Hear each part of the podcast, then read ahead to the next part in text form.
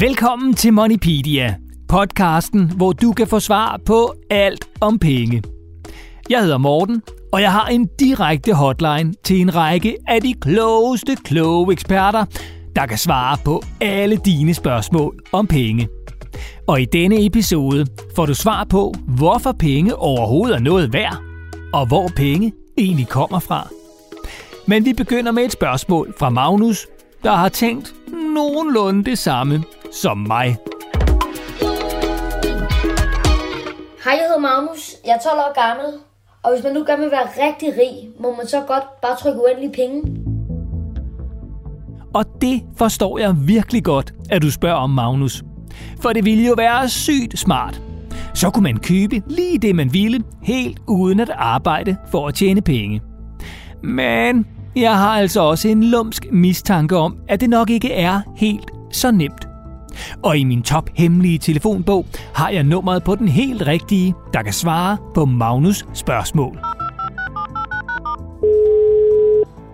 Jeg hedder Claus Birkeløn. Jeg er 57 år, og jeg er politiinspektør og leder af den afdeling i Rigspolitiet, der hedder National Forebyggelsescenter, som har med forebyggelse af kriminalitet at gøre. Så Claus arbejder altså ved Rigspolitiet. En slags chefpoliti for politiet. Og Claus, han ved alt om, hvad der er lovligt, og hvad der er knapt så lovligt. Men inden Claus blev voksen og politimand, ja, så var han jo også et barn. Og hvad drømte sådan en politiinspektør så om, dengang han var barn? Altså ud over at blive politimand selvfølgelig. Som barn der drømte jeg om at købe en racercykel. Jeg kan huske, at jeg ønskede mig det mange gange, og man bliver jo altid lidt skuffet, hvis man ikke får, hvad man ønsker sig. Men jeg ønskede mig en racercykel, og jeg kan huske, da jeg fik min første, jeg tror, den havde øh, 15 eller 18 gear. Jeg fik den i fødselsdagsgave af mine forældre. Det var meget, meget stort. Den havde jeg virkelig drømt om i mange år. Og med cyklen i det helt rette gear og vind i håret, suser vi videre til Magnus spørgsmål. Må man trykke uendeligt med penge, hvis nu man drømmer om at være rig? Så man for eksempel kan købe den der racercykel, man ønsker sig, helt uden at skulle arbejde for sagen eller spare op. Og svaret, det er ret kort. Hvis man vil være rig, så må man ikke trykke sine egne penge. Så man må altså ikke trykke sine egne penge. Men der er jo nogen, der skal trykke de mønter og sædler, som du og jeg kan betale med, når vi køber basser ved bageren og flødeboller til klassen. I Danmark er det Nationalbanken, der står for at øh, udstede penge, både mønter og øh, sædler. Og det er vigtigt, at der kun er én i et land, der står for det her. I andre lande er der jo også nogle aktører, der, der står for det, men, men i Danmark er det Nationalbanken, der har det her som opgave. Så Nationalbanken, altså bankernes bank, og landet Danmarks Bank trykker de penge, som du og jeg kan betale med i butikkerne. Og det er de de eneste, der må. Det er ikke bare ulovligt, men mega ulovligt selv at trykke penge. Det er faktisk noget, som er en ret alvorlig forbrydelse, hvis man trykker sine egne penge. Det har politikerne jo bestemt, at det er strafbart. Og de har skrevet ind i straffeloven, at hvis man gør det, så kan man øh, få helt op til 12 års fængsel. Og det er jo meget, meget voldsomt. Og det er fordi, at man bliver nødt til, hvis vi alle sammen skal have tillid til pengesystemet, at når man får en 100 kroner i hånden, at den så også er 100 kroner værd. Og det giver jo ret god mening. Altså, at du ved, at den 100 kroner du har fået i fødselsdagsgave, rent faktisk også er 100 kroner værd, når du står nede i butikken, og ikke bare er en falsk snydeseddel. Men selvom det er ulovligt at trykke sine egne penge, ja, så er der alligevel nogen, der fra tid til anden forsøger. På mere eller mindre udspekulerede måder. Der er den selvfølgelig dem, der har puttet det i en kopimaskine. Der kan man måske relativt hurtigt finde ud af det, fordi man kan allerede mærke på papirkvaliteten, at der er noget galt med pengesedlen. Hvis en butik har taget imod falske penge, så hvis butikken ikke har opdaget det i første omgang, så vil det typisk være, når de går ned i banken med dem. De fleste forretninger, de afleverer hver dag omsætning, som man kalder det. Altså det, de har solgt for i dag, det afleverer man i banken. Og så hvis ikke de selv har opdaget det i butikken, så vil de typisk opdage det i banken. For der er masser af små hemmelige tegn, der kun er til stede i ægte pengesedler. Og i banken tjekker de, om alle de her hemmelige tegn nu også er der. Eller om der måske er tale om en falsk pengeseddel. Så undersøger man pengesedlen for forskellige ting. Der er nogle sikkerhedsting i. Altså hvis man, hvis man siger, der mangler vinduestråden, eller der mangler det, der hedder et hologram eller et vandmærke, og så vil man ellers undersøge den for fingeraftryk og DNA, for at finde ud af, hvem, hvem har haft den her pengeseddel i hænderne. Og er der tale om en falsk pengeseddel, ja, så er det Claus og hans kollegaer, der tager affære og forsøger at finde frem til synderen.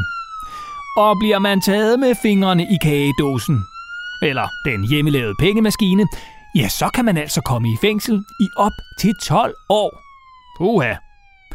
Men hvad nu hvis man gerne vil lege købmand derhjemme? Eller lege, at man er mange millionær? Det kunne jeg for eksempel godt tænke mig. Og man så tager et stykke papir og skriver 100 kroner på. Eller en milliard. Må man så det? Hvis det er bare et helt almindeligt stykke hvidt papir, man skriver 100 kroner på, så tror jeg, man får rigtig svært ved at bruge, bruge den nogle steder. Fordi folk vil jo sige, den der det kan du altså ikke betale med, det er jo bare et stykke papir. Altså man må ikke efterligne de penge, vi kender. Men sådan et stykke papir, hvor man skriver 100 kroner, fordi man skal lege købmand derhjemme, det må man godt. Sådan. Hjemmelavet legekøbmandspenge, eller milliardærpenge, er altså i orden. Falske penge, man forsøger at snyde andre med, er ulovlige. Tak for hjælpen, Claus. Men vi er langt fra færdige. For Luca har også et spørgsmål. Hej, jeg hedder Luca. Jeg er 10 år gammel. Jeg vil gerne vide, hvorfor har penge værdi? Altså, hvorfor er et stykke papir, hvorpå der står 100 kroner, overhovedet noget som helst værd? Det er et godt spørgsmål, Luca.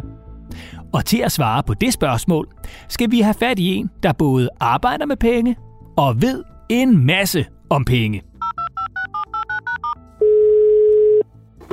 Jeg hedder Anne Jule Jørgensen, og jeg er 46 år gammel og ansat i Danske Bank. Og her beskæftiger jeg mig med alle mulige ting omkring øh, penge og deres værdi, og også hvordan man bliver god til at bruge sine penge. Og god til at bruge sine penge. Det var Anne skam også, da hun var en lille pige. For hvad gjorde den fornuftige bankdame som barn, da hun drømte om en helt bestemt ting nede fra legetøjsbutikken? Jo, hun sparede selvfølgelig alle sine lommepenge op, så hun til sidst kunne få fingrene i drømmekøbet. Det første, jeg kan huske, jeg købte og sparede op til, det var sådan en lege elpister i en eller anden meget farverig plastik. Den må jeg jo have drømt om, siden jeg sparede op til den. Men hvorfor kan en 100 kroneseddel egentlig byttes til en legetøjselpisker nede i legetøjsbutikken? Altså, hvorfor har penge overhovedet værdi og er noget som helst værd? Det er spørgsmålet, som Luca gerne vil have svar på. Hvorfor penge har værdi, er et rigtig, rigtig godt spørgsmål. Og det hænger også lidt sammen med, hvorfor findes der overhovedet penge?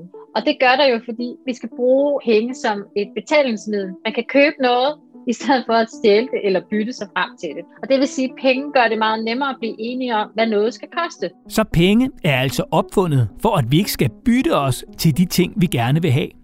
Så i stedet for at bytte fire bananer for en pose kartofler, kan vi betale med en 20'er og købe en pose kartofler.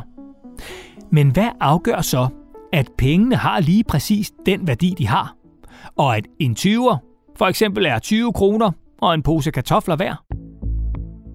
Det handler sådan lidt om, hvordan hele samfundet og hele verden hænger sammen. Så der er rigtig mange ting, der sådan har indflydelse på, hvorfor en 20'er en 20'er værd. Okay, så der er altså rigtig mange ting, der er med til at bestemme penges værdi. Også hvad andre landes penge er værd. Når vi i Danmark bruger danske kroner, så er det lidt med at gøre, hvad de er værd i forhold til euros, som man bruger i det meste af Europa. Hvordan er de værd i forhold til pundet, som vi bruger i England, og i forhold til dollaren fra USA. Så hvad danske kroner er værd, er altså bestemt af en hel masse forskellige ting ude i verden. Blandt andet, hvad de andre landes penge er værd. Og så bliver det jo pludselig lidt kompliceret.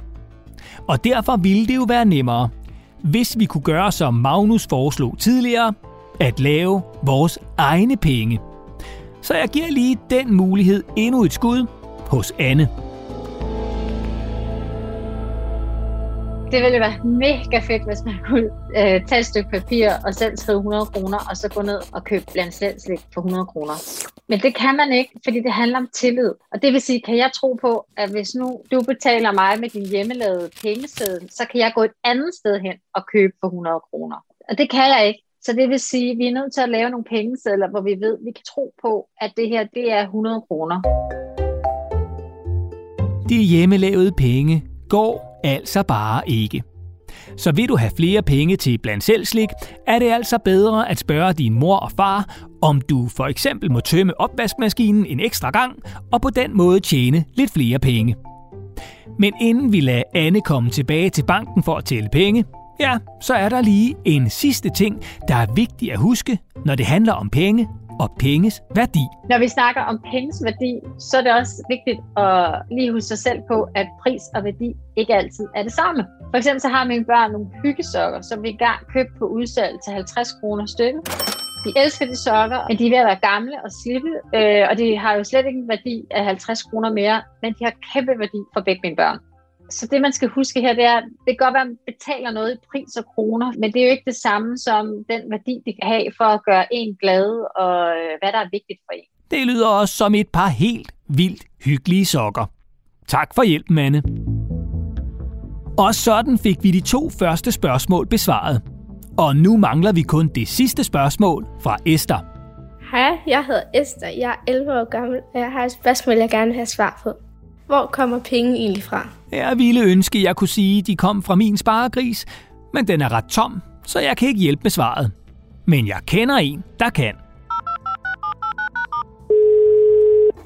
Jeg hedder Helle Horsnes. Jeg er 59 år gammel.